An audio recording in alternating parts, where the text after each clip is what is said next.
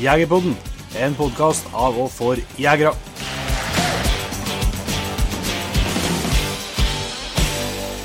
Hjertelig velkommen til en ny episode av Jegerpodden. Jeg heter Jon Petter Meldingen, og med meg så har jeg klart å dra Jon Ingevik ut av eh, traktoren for første gang på flere døgn. Ja, det det er ikke verst, bare det. Nei, det, det er på hekta. Ja, det gjorde seg. Ja, det er bra. For det er full, full anslått i, i Grøndalen. Ja. Det er ikke så mye fornuftig jaktprat å komme fra sist fire-fem dagene, nei. Dessverre. Jeg skal komme sterkere tilbake fra, ifra nå og fram til eh, mars. Ja. ja, det vet jeg. Det vet jeg. Men det er jo ikke eh, så lenge siden vi, eh, vi er litt tidlig på innspillinga i vekka her, faktisk. Hvis Hvis ikke jeg har nevnt dette før, Inge, så skal jeg jo til, til Sverige på, på helgjakt på onsdag. Jeg hører, det. jeg hører du sier det. Så vi må være litt eh, tidlig på den. Men Ja, men jeg lurer på, eh, så godt som det er hunden jobber borti Sverige, så har de antagelig fylt kvota til onsdag, tenker jeg. ja, det gikk faktisk ganske bra i, med i dag, da. Og, satt og fulgte med på, på trekkeren, så de fikk skutt igjen eh, en liten okse for den. Ja. Det ble ikke sånn kanonlos, nei, men det ble noe uttak, og veldig bra jobb før uttaket, og, og, og elgen endte opp med på en post som fikk skutt inn. Mm. Så det var knallartig. Det, det satt i møte på jobb og fulgte med litt med et øye på, på trekkeren.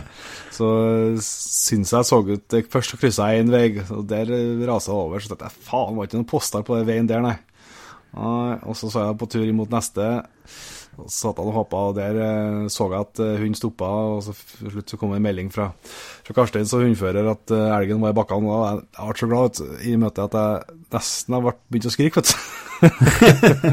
For at ja, dere som hørte siste episode, hørte jo at jeg hadde, hadde litt utfordringer. Så når det lykkes igjen, så er det på plussida, da. Ja. Nei, men jeg var inne på trekkeren og kikka, ja, det var voldsomt fine søksrund han hadde, hadde i starten før at han fant fant helgen også. Ja, jeg tror jeg måtte eh, Jeg har ikke sjekka, men jeg tror jeg sikkert borti to mil, tenker jeg. Med søk før, i, før uttaket, så det må være, være bra. For det var ganske Ja. Det var, det var ikke lett dag, da, for det var noen 20 varmegrader. Så fikk betalt for, eh, for eh, kickbiken. Ja. det var en bra, bra premieredag i den svenske elgjakten, det. Yes, så herifra så kan jeg bare gå nedover. Ja. Det var bra at han gjør seg ferdig med oksene før du kommer, tenker jeg. Ja. Det, vi skal ha en artig episode i dag, eh, Jon Inge. Vi har jo eh, hatt en prat med en skikkelig eh, villmarking og en dyktig jeger òg, en Jens Kvernmo. Ja. Det har vi jo hatt, han har vi hatt på blokka lenge, selvsagt, eh, og skulle få til. Men han er jo en, en mann som er mye ute og farter i skog og fjell rundt om i hele, hele landet. Ja. Så det er ikke, men nå endelig klaffa det sånn at vi fikk tatt en, fikk tatt en prat med han, og det ble eh, jæklig artig, syns jeg. Ja. Eh, Og eh, både ja, veldig kunnskapsrik, men likevel veldig veldig ydmyk type som òg har en del meldinger å komme med. Så, så Ja, ja han er virkelig Jeg ble, uh, ble overraska, for han er liksom eh, Han er ikke noe høy på livet, selv om han har fått seg en liten kjendisstatus. Han er en rolig og sindig gutt fra Ungdalen likevel. helt klart. Og jeg, jeg må bare ta en liten historie her, for at uh, Så håper ikke jeg Jens blir, blir sur hvis dette ikke skal kringkastes, da, men nå er det for snart for sent. det var etter innspillinga så var han holdt et eh, foredrag, et sånn mini, miniforedrag om, eh, om hundekjøring og, og hundehold. da, Veldig interessant. Ja. Eh, men da han starta det foredraget, da, så heter jo det prosjektet til en, eh, Jens det heter jo for et, 'Jakten på et vilt liv'. Et vilt liv liksom er det han forkorter med, da. Men da han starta foredraget, så, så sa han at eh, han var så ungkar, han, at prosjektet hans det burde egentlig hete 'Jakten på et vilt underliv'. Og det ble ganske god stemning i salen, for å si det sånn. Så han, det er en del friske meldinger på den typen der. Ja, ja det, det er sånn, sånn eh, type jeg vil like. Det er bra. Ja, klart. Men vi, eh, vi har jo en eh, konkurranse som det må trekkes noen finalister til. Yes. Det, dem har vi trukket. Som dere som hører på, er godt kjent med, så har vi en fotokonkurranse i samarbeid med Namsskogan fjellstyre, der du kan vinne ei hel langhelg med elgjakt og boende og i det hele tatt med, med Jegerpodden. Mm. Og det er jo, trekker vi jo ut blant eh, dem som tagger bildene sine med hashtag Jegerpodden på, på Facebook og på Instagram. Ja. Og eh, som du sier, vi har trukket fem eh, nye finalister. Det har vi. Og nå, eh, hvis, hvis noen av lytterne ikke har, har hashtagger inntil nå, så nå holder det på å haste litt. Ja, for nå er vi Nå på er ikke- Er det blir 25 nå, er vi det? Da er vi Ja. med det, så det vil si at vi skal trekke til en episode til før eh, avstemmingsrunden går i gang. Det blir spennende. Så nå er det bare å tagge på halen, må vi si. Mm. Det er det. Men jeg ser jo at jeg syns jo, syns jo eh, kvaliteten på bildene holder på å stige litt nå. Ja, det er jo litt Det er jo, eh, tilfeller selvsagt med trekkinga, men eh, det var veldig mye fine bilder. Det har vært fine bilder hele veien, da. Men det ble en del sånn litt mer naturbilder sånne gangen her, da. Mm. Det er det. Skal vi ta Nå skal jeg bli før i deg her. Nå skal jeg ta første, første finalist.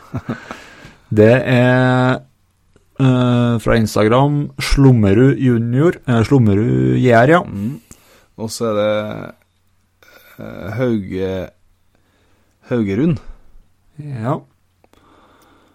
Og så står det en blidspent kar med en stor tiur i hendene her, som heter Christian M. Johnsen. Og så er det eh, og et Instagram-navn, da. Kenfam. Mm. Og sistemann er Kjemsas foto. Så da har vi fem nye, og da skal vi være på, på 25. Og vi eh, skal da trekke og til neste episode de fem siste før vi går over til avstemminga. Det er veldig spent på avstemminga. Mm. Eh, både fordi at det er veldig mye fine bilder, så det blir interessant å se hva, hvem som får flest stemmer, men ikke minst uh, skal vi, vi er spent på hvem vi får med oss på elgjakt. Ja, det er jo ikke noe tvil om det. Det blir, vi knallhardt å følge med på. Så Det er ikke så nøye, eh, for at det er noe eh, Så vidt, så vidt som jeg har fått med meg, så er det noe ingen som jeg verken kjenner eller vet om fra før. Så Nei, ikke som jeg fremmedfolk vil det bli uansett. ikke som jeg har truffet. Det er noen som kjenner liksom på, på Instagram-navnet og sånn. Eh, Ja. Og folk som er med i Team Jegerpoden, men eh, ikke som jeg treffer personlig, tror jeg. Ja, det blir spennende. Det blir spennende. Så nødt på nå å hashtag bildene eh, i godt og vel ei uke til nå, så er det fremdeles muligheter. Yes. Og så er det ikke grunn til å slutte etter det heller. Nei da. Så god responsen har vært på konkurransen her, så tror jeg nok det blir siste konkurransen. Jeg tror ikke jeg heller. Og så skal jeg bare skjøte inn før vi, vi slipper til praten men, med en Jens. Så, så I siste episode så, så prata vi jo en del om, eh, ja, om forberedelser til jakta vår og, og sånt, og, og litt om, om jaktbil. Og det har Ja. tatt litt eh, videre i, i Facebook-gruppa Team Jegerpodden. Uh, og der er det veldig mange som har delt bilder og innlegg om sine biler og sine planer. Så det er et tema som virkelig engasjerer, det er helt tydelig. Det, vi er ikke ferdigsnakka når det gjelder jaktbil, tror jeg. Nei, det kjennes ikke sånn ut. Det kjennes sånn ut, så det tror jeg vi skal etter hvert dedikere i hvert fall en hel episode til. Det tror jeg vi må. Ja. ja men det engasjementet er bra. Det er jo tydelig at det er jo ikke bare jeg og du som går og kribler og går og koser oss litt når vi rigger og steller til jakta her nå. Nei. Det er flere som er, flere som er på den. Det tror jeg jeg skal, jeg skal ta og legge ut et bilde på Instagram etterpå, tenker jeg, av hvordan det ser ut nå i stua og i gangen her. Det, det, blir, det blir ikke så tidlig kveld i kveld, for å si det sånn, for det, det får ikke lov til å ligge sånn til morgen tidlig, det føler jeg meg sikker på. Fruen i huset blir jo fornøyd når vi gikk og la seg i kveld, eller? Ja, ja, det er jo, det er jo bestandig, men eh, det er ikke sikkert at det er samme stemningen hvis jeg ikke har rydda opp til i morgen. Her. For nå har jeg spredd alt utover for å ha full koll på, på hva jeg har og hva jeg ikke har. Så, Ja. For det blir jo litt eh, jaktutstyr, da. Når eh, det, det, er noe sånn klær og sånt som jeg ser liksom har begynt å være med i, ja, i både ti og tolv år. Så Ja. selv om en uh, har mye, så er jo ikke alt som er flukka nytt, men det er jo mye som, som fungerer veldig bra likevel, og som er altfor godt til å, til å pensjonere. Så da finner en igjen det og pakker om og spekulerer på når jeg skal bruke det. og sånn. Altså, det, er jo, det er jo topp stemning da, å drive med det. Det er det. Må du komme på å gå inn på tullverket.se og søke om våpendeklarasjon til rifla di? Det- Du skal ikke ha med rifla, kanskje? Nei, jeg trenger ikke det. Jo ikke mer eller mindre. Den Og jeg må vel eh, lufte, lufte en tur, det må jeg nei, det har jeg kontroll på, ja. Både det og Ja. statlig, statlig jaktkort er på, er på G. Det er bra. Dere satt jeg og fekla med vin på tur dit Ja, når det ble en spon- spontanretur forrige uke her. ja. Men det fungerer. Det har bestandig fungert veldig sånn smertefritt. eh, Ja, ja. Bare en, eh, som jeg ofte har gått på smeller på i kjent stil, er å glemme å melde det ut igjen. ja. Det, det, er- det fikk jeg faktisk et brev på en gang. på. Sånn er det. Nei, skal vi eh, Skal vi kjøre i gang episoden med Jens her? Vi gjør det. vi gjør det. Og så må vi kanskje si det at uh, du var jo så heldig at du var jo traff den på live på Steinkjer, mens jeg satt på Skype fra Grøndalen sentrum. Yes, stemmer det. Ja. Så det, Så hvis det, blir, hvis det er litt uh, noe ukurant uh, lydgreier, så er det derfor. Men eh, vi gjør så godt vi kan. ja, jeg tror det skal være noe kurant, men det er jo mer at uh, jeg prater for mye. da. Ja. Slag ansiktet. Nei, men vi kjører på. Vi gjør det. Da har jeg gleden av å ønske Jens Kvernmo hjertelig velkommen til Jegerpodden.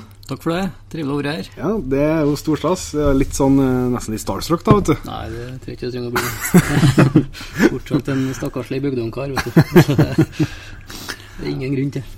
Ja, Du er jo sikkert eh, kjent tenker jeg, for de fleste av lytterne våre, men eh, du kan jo kanskje starte med å fortelle litt om deg sjøl?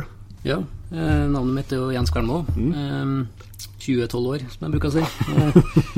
Eh, fryktelig ungkar. Og eh, jeger, friluftsmann. Ja. Ganske enkel eh, bygdegutt fra Ongdalen. ja. Så det er kort oppsummert. Ja.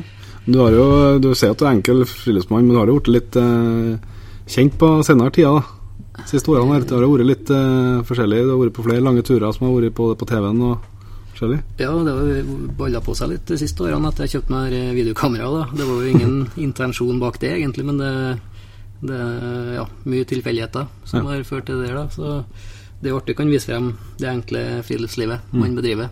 Det er jo ikke noe fancy-pansy. Det. Nei, er helt uh, Jeg gjør jo så akkurat det samme som før, egentlig. Ja. Bare at det er litt filming attåt. Bare at det er filming attåt, ja. Så det Jeg har ikke forandra meg på noen som helst måte. Nei. Det er bare vi, vist det frem. Så ja, mye tilfeldigheter. Men det er jo steikartig. Ja, for at uh, første gangen jeg kjente på at jeg så noe fra deg, det var en sånn YouTube, eh, litt lang YouTube-film.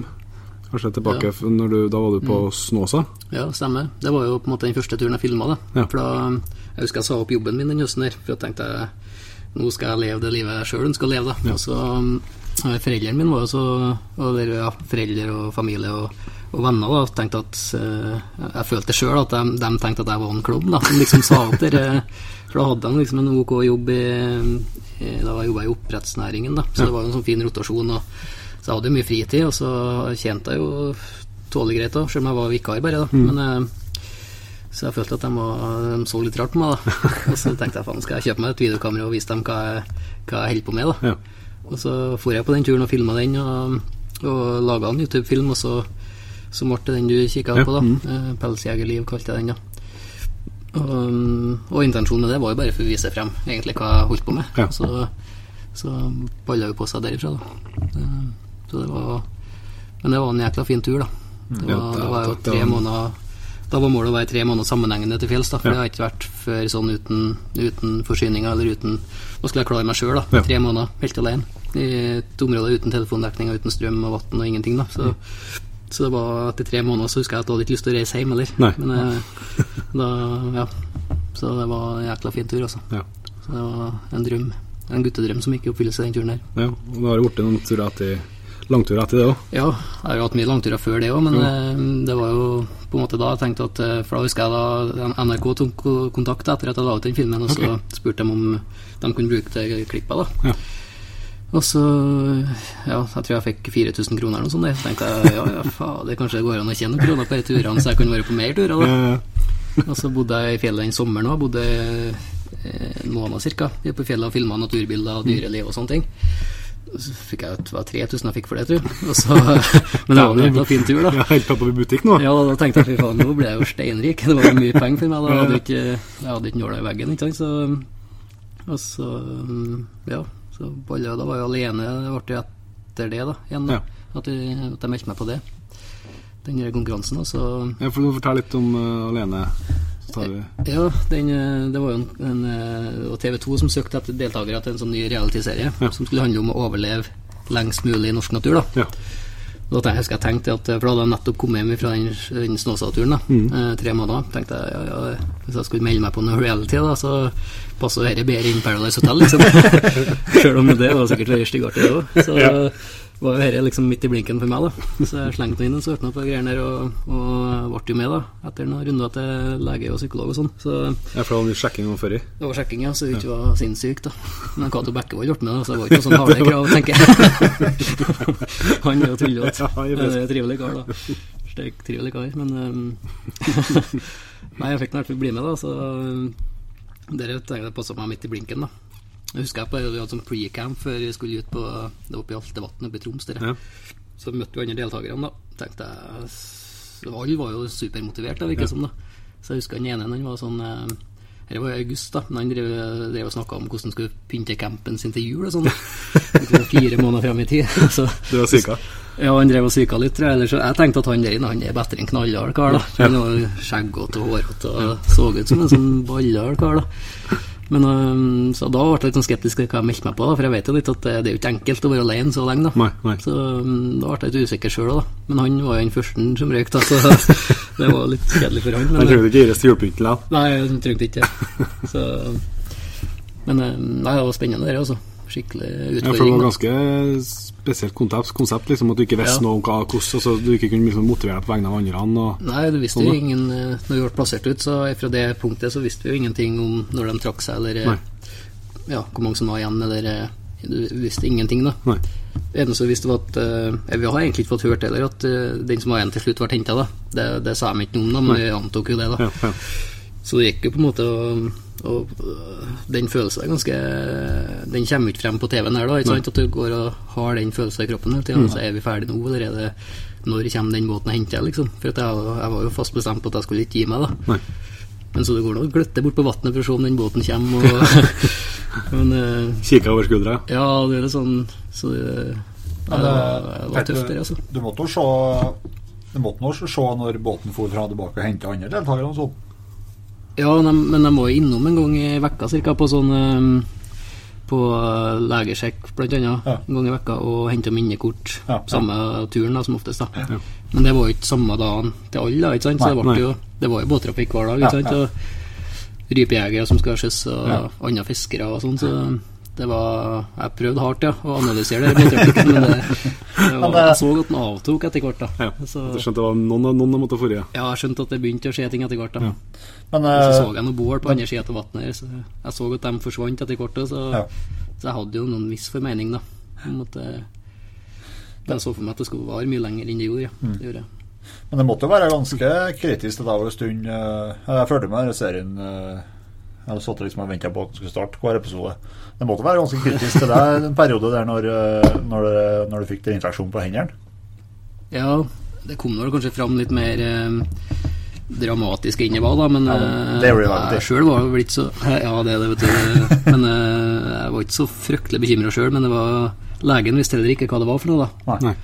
Så mm, da ble jeg litt bekymra når ikke visste hva det var for noe. Så hadde jeg ikke gitt uttrykk for det, så hadde det gått helt fint. da Men det, det viste seg at det var fisken da som gjorde det.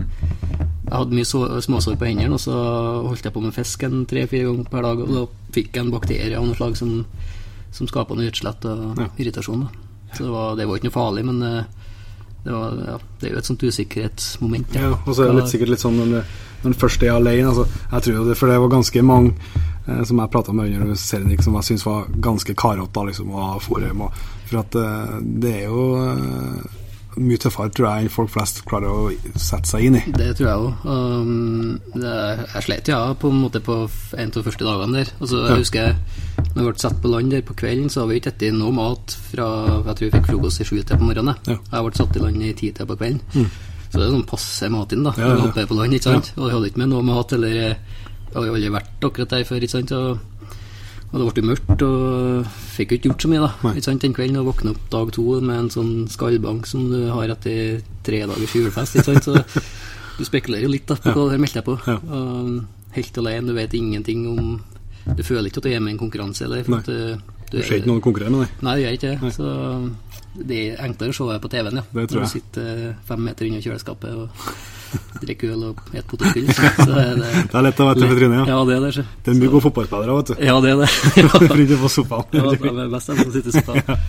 Men eh, nei, det er tøffere enn eh, Jeg hadde tøffe stunder. Så det, det, det er mentalt, da. Mm. Så alle klarer å være så sulten, men eh, det er med å være alene, da. Ja. Det, det er tøffere enn det folk tror. Ja. Ja, det tror jeg. Og så er det, så er det å kjempe seg sjøl, tenker jeg, i en sånn setting òg, for at du er på et vis frivillig. Ja, det- så liksom, ja. altså, du vet at du kan Ja, avbryte, liksom. Så for at det klart er du, Har du noe styrta eller, eller Ja. er værfast, så har du ikke noe valg, da. Nei, liksom da må du Også hvis du har en, på en tur, så har du kanskje et ende, en dato du skal være ferdig, ikke sant? Men her hadde du ikke noe dag du skal være ferdig. Nei. Det kan jo være om fem minutter, eller det kan være om To fem måneder. måneder, liksom. Altså, du vet aldri, da. Så den eh, Det var jo med og gjorde det tøffere enn eh, enn normalt da. Klart det. klart det.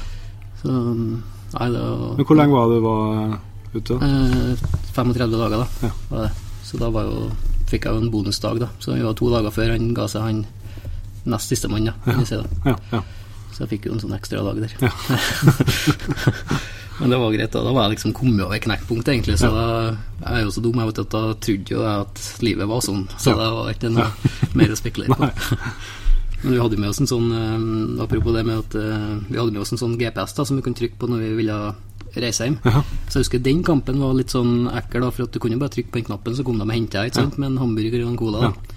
Og når du sitter og er så matinn, da, Ja. så det er en liten kamp mot deg sjøl Ja, ja, å ikke trykke på den kappen, ja. knappen der.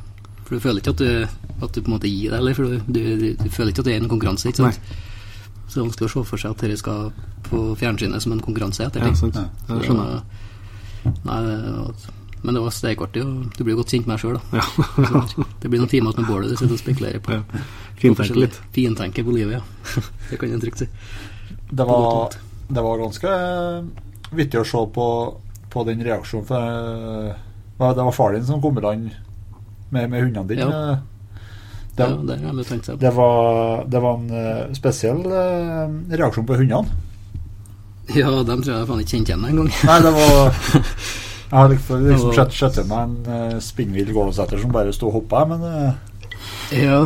Nei, jeg kjente jo ikke igjen hundene her, da. Så det, det var, de tenkte vel ok, hvis det blir faen, skal vi det. Liksom. jeg, jeg kjente ikke igjen fatter'n heller, da. Så det var jo, jeg så at det kom en kar jeg kjente igjen, da, men jeg, jeg skjønte ikke hvem det var. Det tok sikkert eh, Jeg føltes som det tok et minutt da, før jeg skjønte at det farsken er jo fatter'n og hundene mine som er der. Så Du blir litt redd for at det bare er hodet som bare fucker meg? ja, for det gjorde det, da. Ja, Så ja, sant. du hallusinerer jo når du går der. Så nei, da skjønte jeg ikke hva som skjedde, nei. Nei. Det var litt kjedelig at ungene ikke kjente igjen meg, da, men eh, Ja, men Det kan jo være at de leste din reaksjon òg. Jeg tror de gjorde det, faktisk. da At jeg lot som ingenting. Eller, jeg, jeg kjente ikke igjen dem, i hvert fall. Jeg har sett hundene mine noen ganger, da, så det var utrolig merkelig. Ja. Ja. Men eh, de har tenkt seg om litt der, altså. Det var, det var kult at det var dem som kom, Ja. at det ikke var noen andre. Når du, du var ikke så lenge hjemme sikkert før du dro på langtur igjen, da? Nei, jeg skulle se, jeg kom hjem i oktober en gang, da, så for jeg en eh, Det var 1. desember, tror jeg. Så var jeg hjemme en drøy måned. da Ja. Jakta og kosa meg, og så tenkte jeg ja, ja, jeg får får på tur igjen. Så, da, så det var en kort Jeg er hjemme og åt opp meg. Så det ble litt sånn spesiell kroppsfasong en stund. For at jeg kommer hjem, når jeg kom hjem fra den alene, så var jeg jo så tynn. vet du Ja. Tynne armer og tynne føtter. Og, og så Du er jo så matsjuk når du kommer hjem fra noe sånt. da Så jeg åt, åt alt jeg kom over. da Så fikk jeg jo sånn Fikk litt sånn pløsete mage. da, jeg må innrømme det, og så Jeg så helt merkelig ut da med tynne armer og tynne føtter. Så skikkelig sånn kul, Kulmage. der. Det var ikke, ble ikke noen kvinnfolk den høsten, for å si det sånn. Den høsten heller? Ikke den høsten heller. Jeg er jo helt elendig med kvinnfolk, da, så det er jo toppløst. Det hjelper ikke på det, da. Ja, men, jeg tror ikke det er så synd på her, så jeg tror det er litt sånn image til det. Nei, nei, det, det er dårlig kvinnfolk der, ja. Knusktørt, som jeg sier i Trøndelag. Men eh, så det var den, var den turen du for på første sommer som det ble eh, serie av, eller var året Ja, det var den som ble den vinterdrømmen, ja. Ja. Mm. Mm, så jeg hadde ikke det var ikke noen intensjon med den turen egentlig heller, annet enn at jeg ville lage en ny sånn YouTube-film, da. Så husker jeg satt i bilen på vei til Tydalen der, så ringte de fra NRK og ville eh, kanskje lage et sånt program som vi gjorde fra Skjækerfjellet. Ja. Et sånt 15 minutters langt program da, som vi laget for den forrige turen. Tenkte jeg ja, det var noe gull godt, det var noe 4000 kroner til, liksom. I lommeboka, og så finansierte jeg i hvert fall noe av programmet, da. Så mm, ja. Så det bolla på seg der, og da kom de jo, skal de komme halvveis i turen og henta henta råmateriale, for de skulle se gjennom hvordan hvordan det lå an. da. Ja. Og da husker jeg da mm, ble det utvida. Da ville de lage en liten serie da, Ja. på tre episoder, hva det var. Så tenkte jeg ja, det var jo gull, da. Selv om jeg skjønte ikke at det kunne bli det sjøl. For, for du føler ikke at det blir bra sjøl når du holder på sånn der. Nei, for du får ikke, ikke se på opptakene. Nei, du får ikke se på Du, du filmer jo bare, ikke sant. Du ser ikke på Jeg får ikke se gjennom noe, for da bruker jeg jo strømmen, ikke sant. Og, og har ikke med PC å sitte og redigere, og du, du vet ikke hva det blir til. Nei. Så jeg følte ikke at det, det var bra, ikke sant. Så jeg skjønte ikke at de kunne tenke det. Og så kom jeg hjem fra turen, og da hadde de utvida til, til seks episoder. da. Og det var jo helt eh, surrealistisk, husker jeg. Det var meget spesielt, ja. Ja. Men da var de jo funnet et eller annet som de syntes var bra, tydeligvis. da. Ja. Så, ja, det ble en jævlig bra serie. da. ja, det var veldig mye positive tilbakemeldinger. Altså, det, var artig, det var veldig artig, det. altså. Det er fortsatt helt surrealistisk at, ja, det, at det ble sånn her. Så det er helt, det er bare, det er jo bare Jens på tur, liksom. Ja. Så, men jeg tror kanskje det var greia, faktisk. Også. Ja. At det ikke var noe mer med det enn det. Nei Ja. Det er veldig mange som holder på med det som altså det skal være så ekstremt. Og så Ja. Det om å være først til å gjøre et eller annet det raskest. Det er jo veldig mange som holder på med at det skal være så ekstremt alltid. Da. Men jeg tror kanskje den tida der er litt Litt forbi. litt forbi, da. At det er bare det gode gamle som er, Mm. som er greia, da. Ja, ja så syns jeg, synes jeg det er så jævla viktig eh, at eh, for, for folk som både ungdommer, men også folk som er som folk som har mye erfaring med friluftsliv, og sånn at du, at du ser at det ikke må være så jævlig, liksom. At du Ja. faktisk er Klart at det er lange turer, tøffe turer du er på, tross alt, men, men det er jo flink til å vise, vise fram liksom, både enkle og gode friluftsliv òg, liksom. Ja, ja, det er jo enkelt. Så alle kan gjøre sånne turer som det her. da. Mm. Det, er jo, det, er jo, det er jo lenge, da. Altså, det er jo lenge å være alene, og det er det som er på en måte tøffe med det. Ja. Altså, det, det er jo en treningssak, da. Altså, det begynte jeg med da jeg var 20, kanskje at jeg begynte med litt lengre turer alene da. da. Første turen alene var jo da jeg var 12-13 eller noe sånt der. Ja. På tiurleik, ikke sant. Og så har det på en måte balla på seg, da. Mm. Etter hvert. Så det er jo en, sånn, det er en treningssak, da. Så du kan på en måte ikke bare hoppe på en månedstur helt alene. Nei. Da Da knekker ikke det. ja, du vil i hvert fall få det tøft, da. ja, du får ikke- utbytte av turen på samme, Nei. samme måten, nei. Nei. Vi filma, vi laga en, eh, jeg var med på å lage en serie som kommer på NRK i høst. da, en gang. Med, det var åtte ungdommer som var på tur i fjor. Ja. Alle skulle være på sånn, sin alenetur. da. Ja. Et, en sånn drømmetur de har tenkt på lenge. Mhm. Og alle åtte, da, eh, eller seks av dem som jeg møtte, da, de fikk en sånn knekk. da. Ja. Og etter noen dager ikke sant, de skjønner at de er, de er er alene. Da. Og det, det går fint å være alene når det er enkelt, når det er fint vær og Mm. alt går eh, godt. da Men det, på en måte når det butter imot, så er det tøft å være alene. Ja. Så det tror jeg mm, alle kjenner på. da Mm, det tror jeg. så, Det er litt artig å vise frem at det ikke det er ikke så, det er ikke så enkelt, men eh, det kan være fint. da Mm. Helt klart. Så, og så må vi innom, for vi skal litt det og jakt du egentlig skal prate mest om her, men du må innom og så du har planer om å bli med på Fe- Femundsløpet til Ja, faen, jeg er jo så dum da, at. Jeg roter meg oppi alt mulig rart. Men, eh, men eh, ja, nå har jeg vært ute tre vintre på rad, vært på lange turer nå. Mm. Lange sånne jakt- og fisketurer. Så tenkte jeg um, ja, jeg må prøve å gjøre noe annet en vinter. Eh, så kjørte jeg hundespann sist vinter nå, da. Ja. Og fikk litt sånn Jeg vil ikke si at jeg er bitt av basillen, men eh, det er litt sånn med hundespann at du enten så kommer du aldri til å kjøre hundespann igjen, eller så Ja, du blir jo litt hekta, da. Ja, så, så da tenkte jeg Femundsløpet kan være en fin, fin ting i vinter, da. Ja. For å ha, ha liksom et prosjekt å, å jobbe mot. ja. Er det samme spannet som du var på tur med i Eh, vinter, eller? noen av hundene blir med. Ja. To av de hundene som var med i vinter, skal være med på, Ja. på det spannet. da Så det, det blir artig. Bamse og Tarzan heter de. Ja. To gærninger. Den, eh, den turen du var på i vinter, eh, kan du si litt kort om den? Ja, det var jo um, Jeg har jo aldri kjørt hundespann, så jeg husker for eh, tre år siden, når jeg sa opp jobben min der, så la jeg liksom en sånn liten femårsplan på hva jeg skulle gjøre. da Ja. Liksom hvilken drømmetur jeg ville gjøre. Og da var vinteren her, og hadde Det er tre år siden jeg bestemte meg for at den vinteren her skulle jeg på hundespanntur. da Mm. Så da tok jeg kontakt med Sigrid Ekran, hundes- hundekjører, og um, begynte å trene med hun Knakk to ribbein første treningsdag, og så tenkte jeg Skjønner at det gir mersmak. Dette ga mersmak.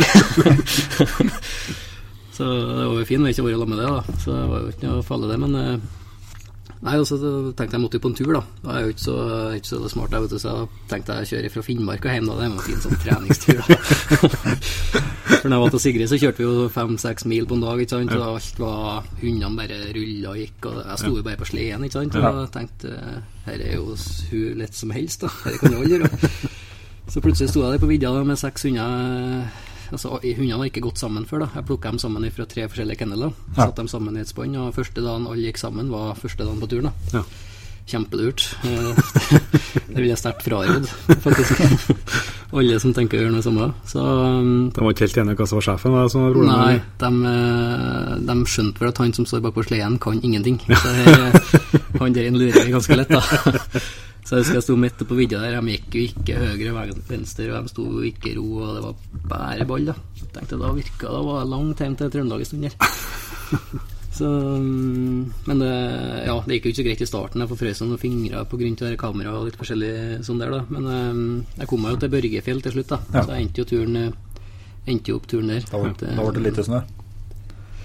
ja, jeg tror jeg kom til å rukke helt hjem da. Det var jo bare 15 mil eller noe sånt igjen. Ja. Så jeg hadde nok rukket helt hjem, men det har blitt mye vading til elver, tror jeg. Så sånne ting er ikke noe For meg så handler det om trivsel, stort sett. da Opplevelsene underveis. Så det var ikke noe Det var ikke noe must for meg. Nei. Og da fikk jeg en sommertur, for jeg tenkte da kan jeg gå turen på sommeren i stedet for, med kløvhunder eh, Ja. i stedet for spannet. Ja.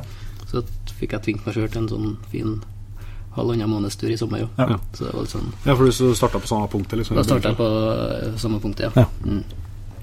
Så det var det var fin tur i sommer òg. Ja. Men det var opplevelse i hundespannturen. Altså, fra ikke få til noen ting til et hundespann som fungerte Ja. i mine øyne da 100 da, på slutten der. Ja. Det var artig, det, altså. Får du, får du mye etter, eh, etter oppkjørte løyper og, og sånt, eller får du, Litt, får du liksom mye fri? 50-50 cirka. Ja. Gjennom, jeg kjørte jo Sverige nedover fra um, Jeg kjørte gjennom Divedalen og så um, inn i Sverige. Ja. Og i Sverige så um, førte jeg stort sett uh, løypenett, da. Ja, For at det er på en måte nesten ikke noe valg der. For at det er jo ei scooterløype nesten sånn, ja. Er Ja, er det to fjell med en dal imellom, så går det liksom ei løype gjennom den dalen. Da. Ja. Så, det, så da ble jeg litt tvunget til å følge den Kungsleden, som det heter. Men det var en fin tur, det, altså. Ja. Så det er ikke noe Traff ikke så mye folk heller. Det var noe én til to ekvipasjer om dag, da, så Ja. det var ikke noe sånn Det Trøkk, liksom. for, Nei, så det var fortsatt en villmarkstur, vil jeg påstå. Ja. Ja. Men eh, det var i hvert fall greit for meg som var så uerfaren, da, så mm. slapp jeg å tenke på ja, eh, orienteringa sånn sett, da. Mm. Med hundene. For det er en annen orientering med et hundespann enn med, enn med ski, da, Ja. kan du si. da Du må tenke seg litt om. Ja. Blir fortere, blir fortere feil. Ja, du kan eh, stå helt fast da med et tynnspann. Mm. Det, det er ikke artig. Nei. Så jeg husker oppe i Reisadalen, da, der jeg skulle krysse den, så heldigvis så fant jeg noen samer som har kjørt der. Ja. Så jeg hadde et skuterspor over der, men jeg måtte, det var 300 meter. Jeg måtte tå det sporet for å komme meg liksom opp på fjellet der. Ja. Jeg tror jeg brukte en halvannen time på de 300 meterne. Det var liksom Det var bunnløst, da. Ja. Altså helt håpløst. Ja. Så um, du kan stå skikkelig fast, altså. Klart det. Men Og da blir det litt annet enn når du har seks hunder som Det blir det. Ja. Så um, da er det litt enklere med en pulk som flyter oppå. Ja. Du kan gå opp et spor. Ja. Så det var ny læring der, altså. Ja, det vil jeg tro. Så det er um. Det, blir, ja, det skal jo på TV-en her òg etter hvert, så det blir jo mye klabb og babb, tror jeg. Det blir noe, Det er det blir noe bannskap fra Ungarn? Ungdalen. Mye trøndersk bannskap. Jeg, tror. jeg fikk faktisk tilbakemelding på det at det var mye Det var mer styggprat denne gangen enn det var sist. Du kan vel legge på sånn beep. Ja, det blir jo stort sett beep, jeg tror jeg. Første episodene der. Men Ja, eh, for du har, eh, du har vært på langtur i sommer, og så skal du på tur igjen eh, Du skal på, du skal på Nå ble jakt eh, Ja, nå skal jeg kose meg på jakt. Ja. Litt ferie, som jeg kaller det. uten, uten noen ting. Bare jakt og kose meg noen uker og ja, leve det gode liv. Mm. Ja, for du er på tur over til, skal til, fer til Sverige. Ja, drar til Sverige i morgen tidlig, Ja. så um, nå blir det skogsfugljakt et par uker. Og så um, Jeg har noen foredrag oppe i Nord-Norge midt i september, og så blir det jakting etter det igjen. da Fer du på, på norsk side etter, etter de foredragene, eller? Ja, jeg skal opp til Alta på foredrag der, og da blir det rypejakt Ja. noen dager der. Og så ja, tar vi det som det kommer, egentlig. Ja. Se an litt. For da har jeg jakta meg på i Sverige, og litt opp i Norge, så ser jeg an hvor det kan være lurt å stoppe igjen. Hvor, På tilbakeveien. På turné. Ja. Der, Jeg har jo alltid brukt en sånn månedsrype månedstur der på høstene. hvordan hunder har du nå? Jeg har jo to gårdsettere sjøl, da. Ja. Så i huskene har jeg jo bare lånt, egentlig. Ja, ja. På um, ubestemt tid. Det En, en gammel og en ung eller? To, eh, En er ni, en trønder er ni, da, og hun- Nira hun er sju. Ja. Så de er jo på hell, da, Ja, sånn, ja.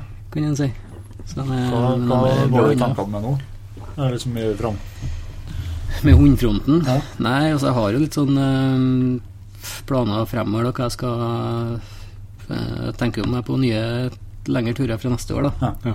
Og da er det jo eh, dessverre ikke Gårdonsetra som er mest aktuell. Så det blir nok ikke noen nye fuglehund eh, med det første par årene, nei. Nei. Tror ikke jeg. Nei. Så mm, eh, ja, jeg tror nok ikke det blir noe kvalp det, det første året, i hvert fall. Ikke de første to årene. Det, tror ikke. Så det er litt trist, da. Men uh, alt til sin tid. Ja. Det, Det er klart det er vanskelig å kombinere liksom, når det, det blir så, så lange turer. Som, de, Det er som det. ikke, det, er jo ikke, ikke bare for at de ikke vil ha meg, men det er jo de turene går ikke å ha meg. Nei, liksom. det er noen turer bare ikke går å ha med dem. De passer jo ikke som vintertur som jeg gjorde i Syland heller, ikke sant. Men, eh, men da, ja, det var nå det hundene hadde, og Mm. jeg tilpassa naturen etter det. da Ja. Så nei, det er jo ikke vinterhunder, kan en si. Nei, det er klart det. Langt unna. Så det blir nå vel husky et par år fremover nå, tenker Ja. jeg. Så skal vi vel trekke oss stille og rolig tilbake med Gårdonseter igjen etter hvert. Det kan bli, kan bli fint med, med skogsfugljakt i Sverige. Nå jeg var Ja, over, i, over i, til Vesterbotn i går, og det var Det har vært finere gått med fuglehund og hagl enn med bjørnehund og riffel, ja. Det, Det det, har gitt bra resultat, det. Det så jeg bra ut. Ja, det ser, eh, det ser veldig bra ut. Ja, Det det. spennende. Jeg hører gode rykter. Så artig med en skikkelig fuglehøst igjen. Ja. Det var jo oppsving i fjor, da. Så Mm. Har litt å bygge på. det virker som meste har kull i år, da. Så Ja. da lover jeg godt. Altså. I hvert fall i Jämtland i fjor, delvis så var det jo skikkelig bra allerede i fjor. Ja. ja, det var det. Så det var en skikkelig oppsving i fjor, da. Og enda bedre i år, da. Så det blir spennende. Ja. Jeg kan, men kan ikke si litt eh, Nå har vi jo snakka mye om, om villmarksmennesker, eh, Jens Kvernmo, men, eh, men eh, hvordan starta du? Du har jakta hele livet, du, eller? Ja, det begynte jo tidlig. Jeg husker jeg har en bestefar som er overivrig da, vet du, på jakt. Han er jo, Vi jakter jo fortsatt i lag, da. Han er jo 87 år eller noe sånt der. Så vi jakter fortsatt rådyr i lag, da. Han er jo steinivrig. vet du. I januar så begynner han allerede å tenke på rådyrposter til neste år. Ja. Ja, nå har de begynt å ferie der. der. Der må vi ha en post neste år. så han er jo fryktelig ivrig. du. Så, så det starta med han, egentlig, at han tok meg med på jakt når jeg var liten. og og første minnene i livet er jo fra, fra jakt og turer, liksom, og Ja. var med på rådyrpost og elgposter og, og sånn, da, så jeg begynte jo tidlig. Så jeg var jo tidlig ut med Sikkert det er lov til å si her, da, men jeg husker jeg var jo tidlig ut med hagla en stund der. Jeg var jo på barneskolen i hvert fall innan jeg tok på rådyrpost med først. eh, Bestefars hagl. da. Jeg husker jeg så læreren min en gang. Jeg ble livredd da, for at jeg skulle få kjeft om mandagen for at jeg har vært på jakt. Men det, det var noe sånn oppe i Ogndalen, da. Ja. Det, det var noe artig, det. Så jeg begynte tidlig, ja. Rådyrjakt var vel første første jeg fikk så på med hagl. Ja. Så ble det jo rypejakt, og så rådyrjakt, og så ja, åtejakt. Ja, drev jeg jo med på tidlig, da. Um, ja. Så jeg begynte jo når jeg var sånn 12-13, kanskje, da. Mm. At det liksom begynte å dra seg til. Da. at det var artigere enn andre ting, da. Mm. Så ja. Er det liksom, eh, så, så, så, så jakta den det siste her, hørt på litt filmer, litt lokk, lokkjakt på, Ja, på reven og Ja, revejakt har jeg jo ja, jeg begynte jo med det på ungdomsskolen. Vi begynte med åtejakt og sånn. Ja. Og så Um, Ja, jeg jakta mye rev egentlig hvert år, og etter hvert så begynte jeg med lokkinga Mm. eh, nede i bygda og sånn. Og så, og så begynte jeg opp i fjellet. da Tenkte jeg skulle um, spennende å prøve opp i fjellet, da for det fungerte så bra i, i låglandet. Ja. Og så fikk jeg jo det til å fungere. Jeg husker første skikkelig lokketuren min, det var på Røros utafor med Brekken. Og skal trene fuglehundene mine i februar. Og så hadde jeg med børsa og lokkefletta. Så tenkte jeg skulle lokke en, en post om morgenen, og så trene hundene, og så lokke på kvelden igjen. da. Ja. Så skjøt jeg tre rever på fem poster oppå, Dæven. oppå fjellet. her. tenkte jeg fy faen, dette var dritkult. Og så dette fungerte jo skikkelig bra. da. Ja. Og det var da um, dere lange, begynte jeg å tenke på sånne lange vinterturer da, med fangst og, Ja. og revejakt og sånn. da. Um, så sånn det egentlig starta, da. Dere lange vinterprosjektene, kan du si. da. Jeg har følt på filmen du filmer hos så drev du med mårfella og Ja, sånn, og i tillegg Mm. du drev litt med, med fangst, ja. fellefangst da. Ja, det begynte jeg jo med tidligere. Han bestefar der òg, den klovnen der, han lurte meg ut på mye rart. Han var han som skjenka for meg første gangen. Altså. Men det kvinnfolket har han ikke fått til. Nei, det har han ikke fått til. Det har han ikke Det, det har han ikke Han har ordna seg eh, Farmor gikk bort, da, men han har jo ordna seg kjæreste nå, da, så så hver lørdag da, så er han på besøk til hun da, på Steinkjer. Ja. Ligger over til, ligger over til søndagen. da. Og så onsdagene så er han og drikker kaffe. da. Så Han har jo fått det til skikkelig. altså. Så at han kunne fått til noe sånt. Så du, har, du, fortsatt, du har fortsatt noe å lære? Ja, der har jeg mye å lære. Så jeg har kopiert det. altså. Hver lørdag til søndag er rett opp, det. Ja, det er optimalt. Ja. Så han er ikke så dum, han, selv om han er Skulle ikke tro det, men en liten luring. Altså, han eh, introduserte fellefangsten da. Mm, det var han jeg begynte med der òg. Viste meg hvor han brukte å sette fellene sine. Da, på, når han, var, han driver ikke med det sjøl lenger. Nei. Nå har han jo, når jeg begynte, så begynte han på igjen litt, da. Men uh, han viste meg hvor han fangsta før. Og Mm. Han levde jo litt av det, liksom, kan du si det, som en biinntekt. da. Ja. For det var jo, hvis han fikk det var 1500 kroner eller noe sånt han fikk for et mårskinn på 70, rundt 78 eller noe sånt der. Og det var mye penger på den tida. der. Det er kanskje også tidligere, jeg husker ikke helt. Men eh, så han, eh, for han har det vært liksom en naturlig del av vinteren. da. Ja. Og den livsstilen har jo alltid fascinert meg, da. Med det pelsjegerlivet. Jeg vokste opp med Helge Ingstad-bøkene Yes. der, ikke sant. De er lest fra perm til perm. De er det mange ganger, ikke sant. Jeg har jo fortsatt med meg boka på tur, Ja. og det, det er liksom mm, veldig fascinerende måte å leve på, da. Mm. Så, og det har jo på en måte det, det livet kan du leve i Norge òg, da. Det er jo det jeg har gjort egentlig på disse vinterturene.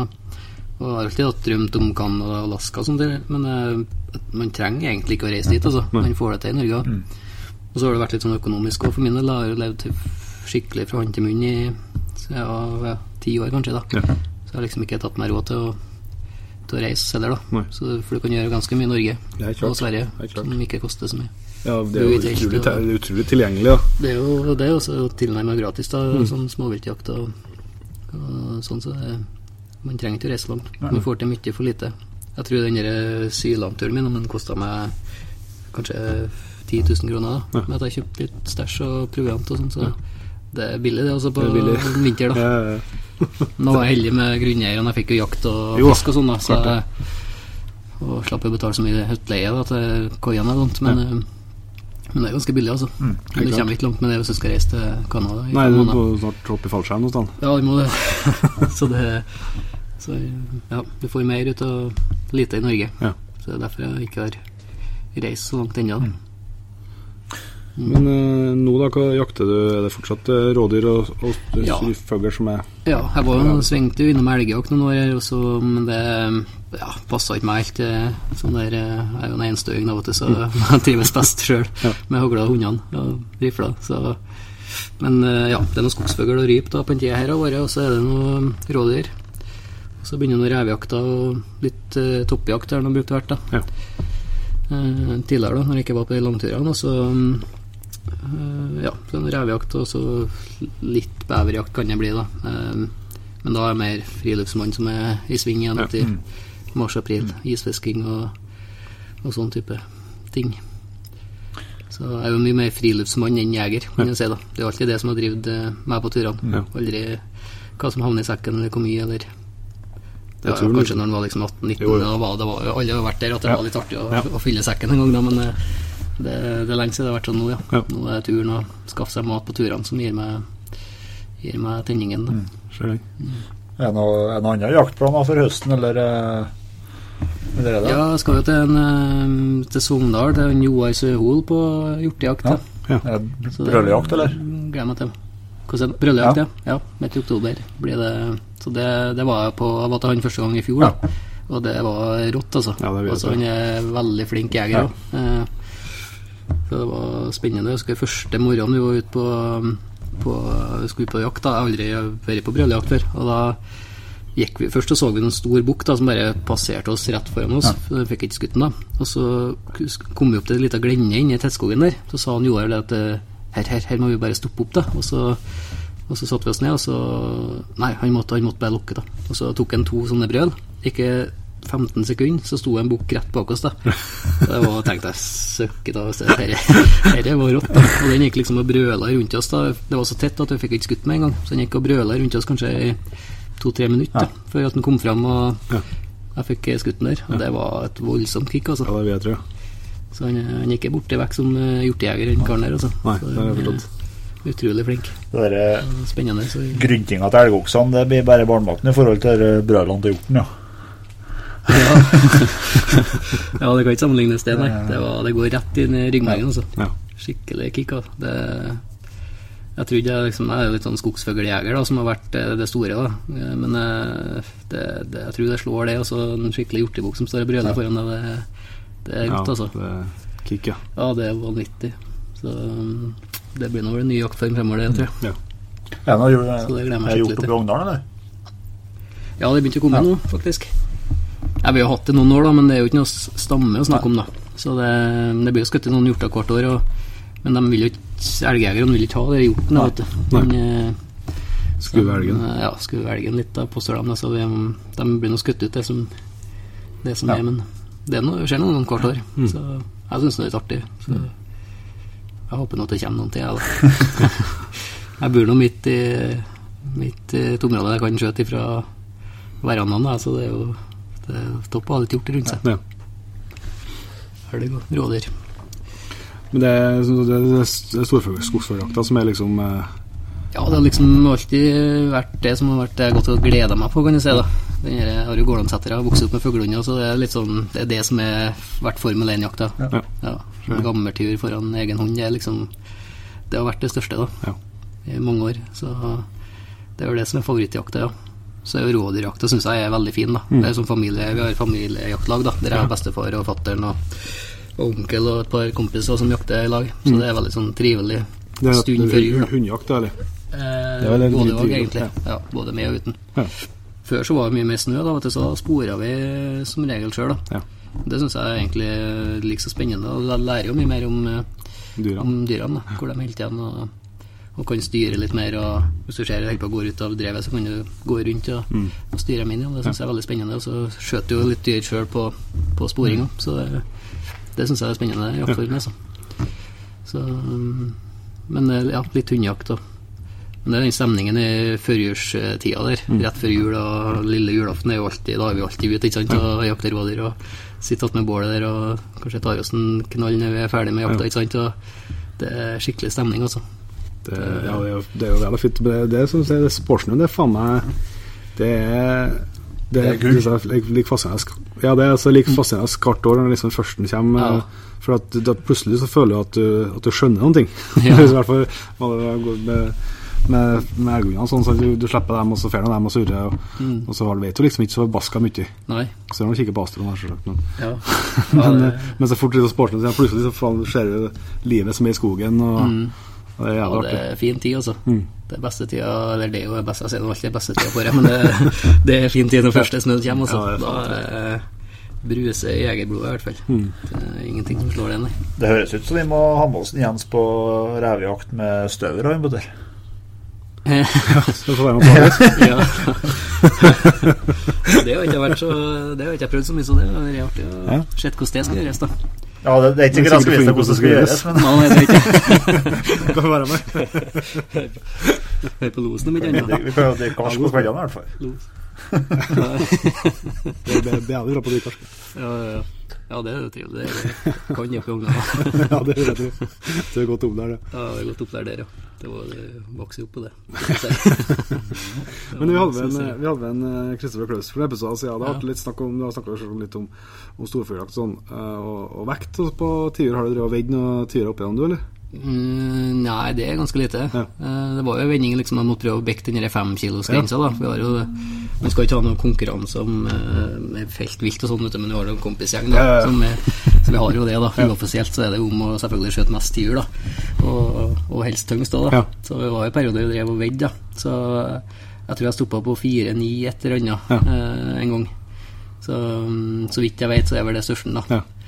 Men det er jo stor tiur, det. da Ja, fy faen, det er stortiur, ja. så jeg husker jeg var fornøyd med den, ja. Det var på toppjakt oppe i Krokom borte i Sverige. Det var en helt vanvittig tur, husker jeg. Det var, da hadde vi 30 tiurer foran oss på myra der. Så det var, det var artig jaktdag. Ja. 30 minus og skikkelig sånn vinterdag, så det var Den kommer jeg på, ja. Så Det er fin den toppjakta. Ja, det- når, det, eller når det først klaffer, i hvert fall. Ja. Jeg har liksom aldri lyktes, så jeg har skutt noen fugler på topp, men jeg har liksom aldri lyktes helt med med å treffe terreng, eller treffe både terreng og dag, liksom. Nei. Nei, det må ha litt sånn tur hvis en ikke har noe sånn sikre område. Ja. Vi har alltid drevet reist rundt og prøvd å finne liksom eh, Selv om vi har funnet et bra terreng, så har vi alltid på en måte prøvd nye, da. Bare for å, så at vi syns det er artig. da Mm. Så det er sånn enten-eller, på en måte. Ja. Eh, Du kan gå på mange svartdager på rad liksom, Mm. uten å se en fugl, sant? Men så plutselig en dag så er er furuene helt kledd i tiur. Da, da er liksom Da glemmer du alle dagene du har gått og Ja, slitt ja, ja, ja. Ja, det er det som jeg syns med fuglejakta meg og jakta med fugl, at det var storfugljakta som var artigst. For at det, var, det er litt samme der, i hvert fall. De høstene, når det del høster med, med lite fuglene, så er det sånn om du går nesten en hel høst, og så får du skutt en tiur, Mm, så er det, ja. så er det berga. Ja, du er det. Du det, får liksom ikke samme, jeg fikk ikke samme følelser med, med ryp eller Nei, Nei, er ikke det. Det er liksom, det, eh, Tiuren, når sånn er fuglejeger, så er det tiur som er, Ja, faen, er altså. tingen. Altså. Det er rart med det, ja. Ja. Men det, det er tiurene som teller, som vi sier. det er i bunn og grunn, ja. Ja. Skal, er Fascinerende fugl, altså. skal vi kjøre på med noen faste spørsmål og spalte, eller? Ja, vi må ha det. Vi har jo ikke, eh, vi har ikke forberedt en eh, Jens på det her, da, men eh, Det er det, det som gjør oss artig. Nei, ja, vi, vi, vi har eh, tre litt sånn faste spørsmål eh, Ja. på, til gjestene. da. Det første er om eh, Hvis du måtte velge bare én eh, jaktform da, fra nå og ut eh, resten av eh, Resten. tilværelsen, Resten av livet. ja, hva, hvilken jaktform er det du måtte endt opp med? Altså, jeg syns jo alle årstidene har jo sin egen sjarm med jakt, da. Altså eh, Nå er vi jo liksom midt i Altså, traff jo på tiurtida nå, da. Ja. Det, er jo, så, det er jo det en går og tenker på akkurat Ja. nå, da. Så akkurat nå må jeg jo si det, da. Ja. At jeg har ikke kunnet gått glipp av en dag med hundene i skogen, liksom. Men eh, Nei, jeg må si det også. Ja. Tiurjakta, den skogsfugljakta, det, det er liksom Det er vel kremen, kanskje, Ja. i bunn og grunn. Ja.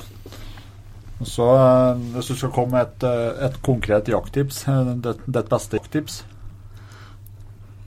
Et beste jakttips, det er vel å være mye ute, kanskje. Være mye på jakt. Mm. Det jeg tror ikke det er noe Det er vel ingen snarvei til å bli noe god jeger, da. Jeg skal ikke si at jeg er noe bedre jeger enn noen andre, men eh, jeg tror hvis man skal skal lære, så må du bare være mye ut, da. Det er ikke Jeg tror sjøl så er ikke jeg noen født jeger, egentlig, så jeg tror jeg husker jeg brukte lang tid før jeg skjøt det første rådyret, f.eks. Jeg bomba, bomba, bomba i starten, ikke sant. Nå begynte jeg jo tidlig òg, da, men det Nå klarte du ikke å være le- Ja. lenger enn hegla, så ja, ja, det var mye bom i starten, husker jeg. Altså, første tiuren jeg brukte flere eh, høster før jeg skjøt liksom, første tiuren. Ja.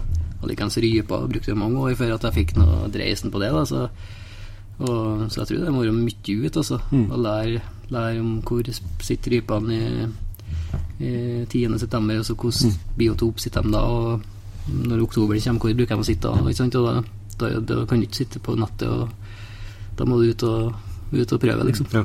ut og bomme litt. øh, ha noen svartdager. Ja, Som vi du kan si det, eh, det er gjerne altså mest ut, som har mest flaks. Det er litt sånn, da. Det er dessverre sånn. Men det er jo fint å være ute, da, så det er jo ikke, Ja, ja. det ikke verste, det. Og så eh, på, Vi er jo litt sånn utstyrsnerder, har spesielt da. Ja. Men eh, så eh, av det jaktutstyret du har eh, kjøpt eller fått skal jeg si, siste, skal jeg si, siste året, de par årene, eh, er noe du har blitt spesielt glad i? Du kan trekke fram. Det kan være stort og smått, altså. Ja, skal vi se, da. Um, uff, det kan jo være mye, da. Er det noe mest glad i? Um, jeg er litt sånn kikkertmann, ja. Ja. Kanskje, ja. Så jeg har alltid med meg en håndkikkert, liksom. Mm. Så jeg har jo gått med en sånn rallemikk, vet du. Og så for et år siden så fikk jeg låne en sånn eh, Jeg har en sånn eh, Jeg får låne en kikkert fra Swarovski, da. Ja, Og den ble jeg veldig glad i, da. ja det er jo å bli glad i. Ja, så den er jo alltid med, på en måte. I, for jeg syns jeg føler meg naken i fjellet uten en Ja, kikkert. da. Og det var jo artig. Jeg møtte en, en same oppe i Børgefjell som har sett bare alene. Ja. Som var veldig sånn interessert i, i det, da. Ja. Hva vi fikk med oss av utstyr og mat og sånn, da. Så nei, liksom, vi fikk jo ikke med oss noe mye, da. Nei, men utstyr og sånn, da. Eh, Nei, altså Sovepose og liggeunderlag og øks og eh, sånn tennstål og litt sånne ting, da. Så ja, men kikkert fikk dere med også, sånn.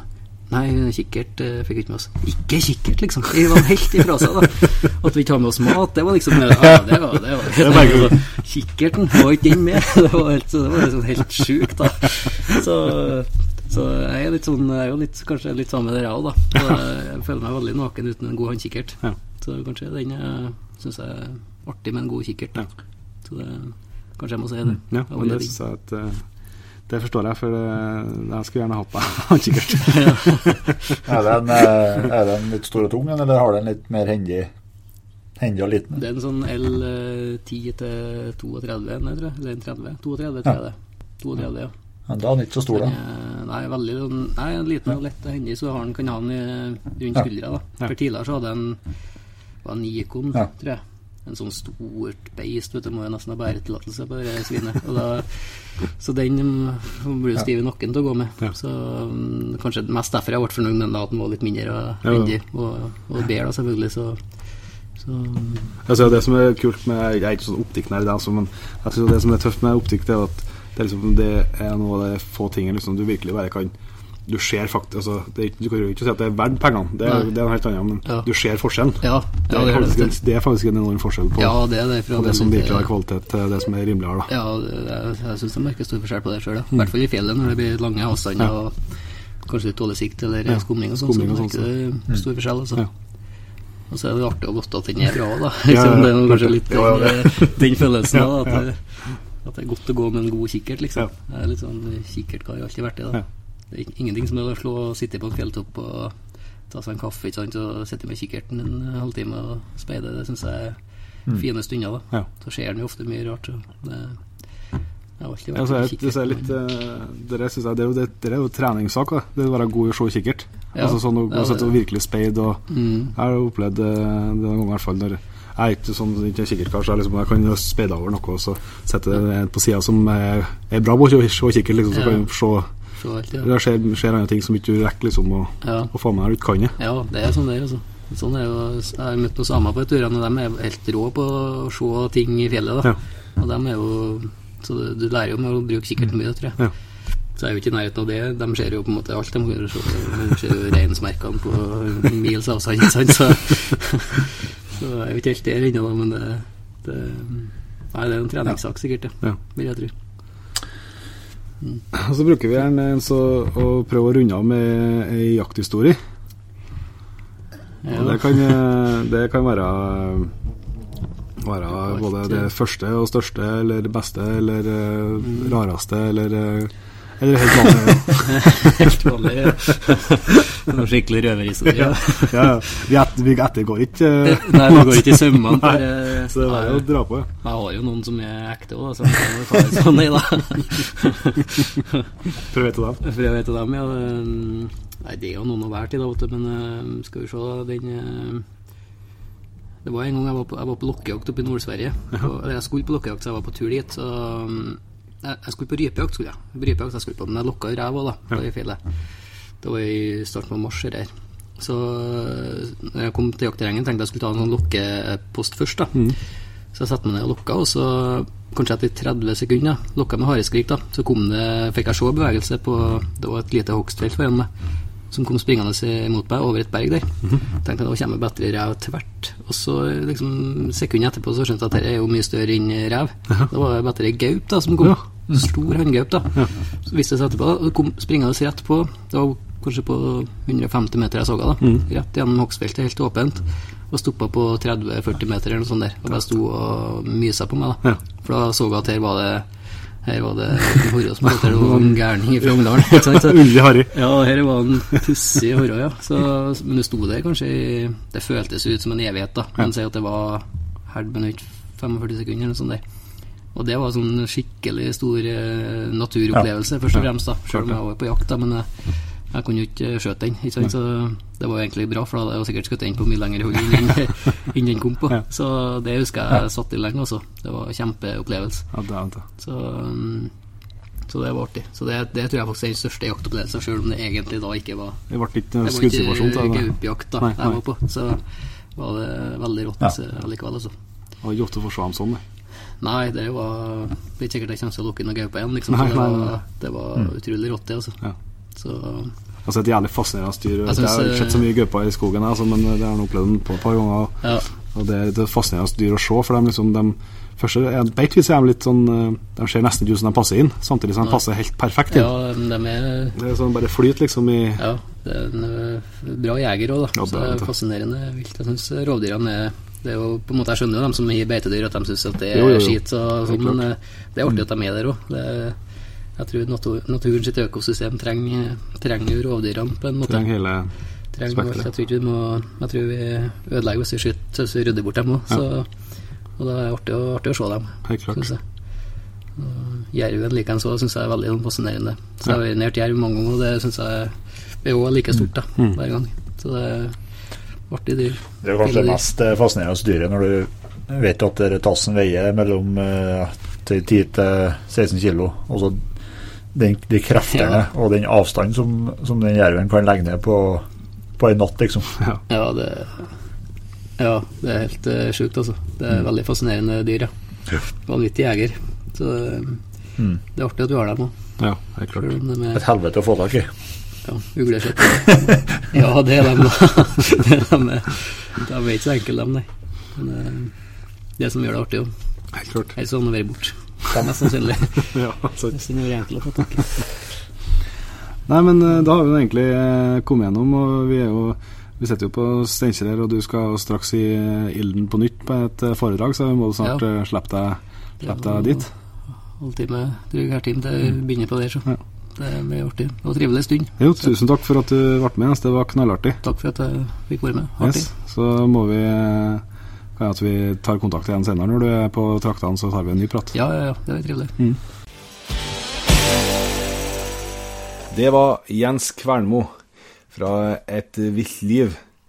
Eh, ganske fascinerende eh, historie.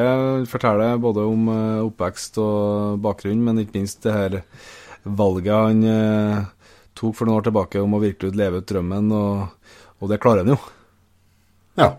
Det står, Han gjør det godt. Ja, han gjør det godt, og det, ja, står enorm respekt av det. Mm. Så, eh, og virkelig en uh, villmarking med stor uh, Vi har ble ved årets villmarking òg. ja, han ble kåra til det. til Ja. det og, så, og det er jo med, med rette, det, selvsagt. Så vel, Det er spen- Spennende å se hvordan det går på femminløpet. ja, det blir stegartig. Uh, det blir artig å følge med på han. og Jeg håper at vi skal ha med oss han, han flere ganger. Vi må se om vi ikke får til å, å treffe han med et uh, kaffebål og, og ta opp litt lyd, så det tror jeg, etter hvert. Det, det satser vi på. Så eh, vi skal egentlig begynne å runde av, men jeg, vi må skjøte inn det her eh, på slutten at jeg vil jo tro at en del av dere som hører på eh, den episoden her, dere sitter i bilen, eh, kanskje på tur til, til årets høydepunkt med, med 10.9. og, og fuglejakt. Og vi hadde jo egentlig håpa hatt en eh, fuglejakt spesial denne den eh, episoden her, men eh, det ble litt forfall på, på gjestelista. Men eh, vi har eh, mange spennende navn på, på blokka altså på fuglejakt, så det blir, eh, det blir mer av det utover òg. Mm. Men eh, vi skal få ønske dere lykke til, og jeg tror dere har mye å glede dere til. For det, det, det ser veldig bra ut i Fuglskogen, altså. Og fjellet. Det gjør det. Helt klart. Vi sier skitt jakt og fuglejegerne. Yes. Må vi se om vi ikke får ut og lufta noen heglbyer, kanskje. Ja. Jeg har sett det utom døra, i hvert fall. Ja. Så, men vi har mye spennende gjester og framover, og eh, så her er det bare å henge på. Og så må vi minne om konkurransen igjen. Tagg bildene deres med hashtag eh, Jegerpodden. Da er det alle muligheter for å vinne ei helg eh, med elgjakt, som vi får til i lag med Namskan fjellstyre. Yes. Og Kjør på. Ja. og ikke minst, da. Gå inn på jegerpodden.no. Der finner du alle episoder. Der finner du alle finalebildene, og du finner også alle bildene til Team Jegerpodden. Og eh, i din favorittpodkastspiller så finner du òg alle episoder. Det gjør vi. Så eh, må jeg, må jeg nesten få ønske deg god tur til Sverige. Tusen takk for det, Jan Inge. Jeg skal se Så, jeg skal, så håper jeg, håper jeg at du, at du skjøt en elg på 20-starten her nå. Så, Tenk artig ord hos så, meg. så, så har jeg noe å strekke meg etter når jeg skal, til- skal til. Jeg trenger forsprang på deg, vet du. Så jeg burde helst fått i flere. Ja, Det blir spennende å følge Ja, det blir artig. Men uh, vi høres igjen om ei uke, folkens. Det gjør vi. Vi gjøres.